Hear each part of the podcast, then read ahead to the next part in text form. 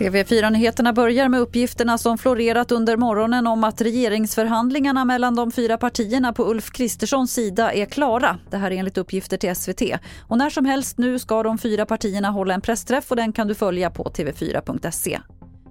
Nu har det väckts åtal mot tre personer efter mordet på 12-åriga Adriana i Botkyrka söder om Stockholm. Totalt sex personer är misstänkta för flera grova brott. Tre av dem åtalas för själva dödsskjutningen.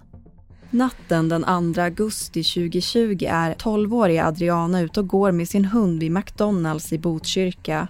En bil rullar in vid restaurangen och bensinmacken och från den skjuter en person. Målet var inte Adriana utan två gängkriminella män de stod i konflikt med. Männen lyckades komma undan kulregnet men Adriana träffades. Flickans död har blivit en symbol för det hänsynslösa gängvåldet och nu ska de misstänkta mördarna ställas inför rätta. Reporter här var Ronja Mårtensson.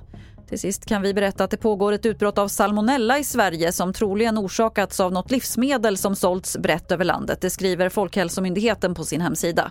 54 personer på olika orter har drabbats och Folkhälsomyndigheten arbetar nu med att försöka hitta smittkällan.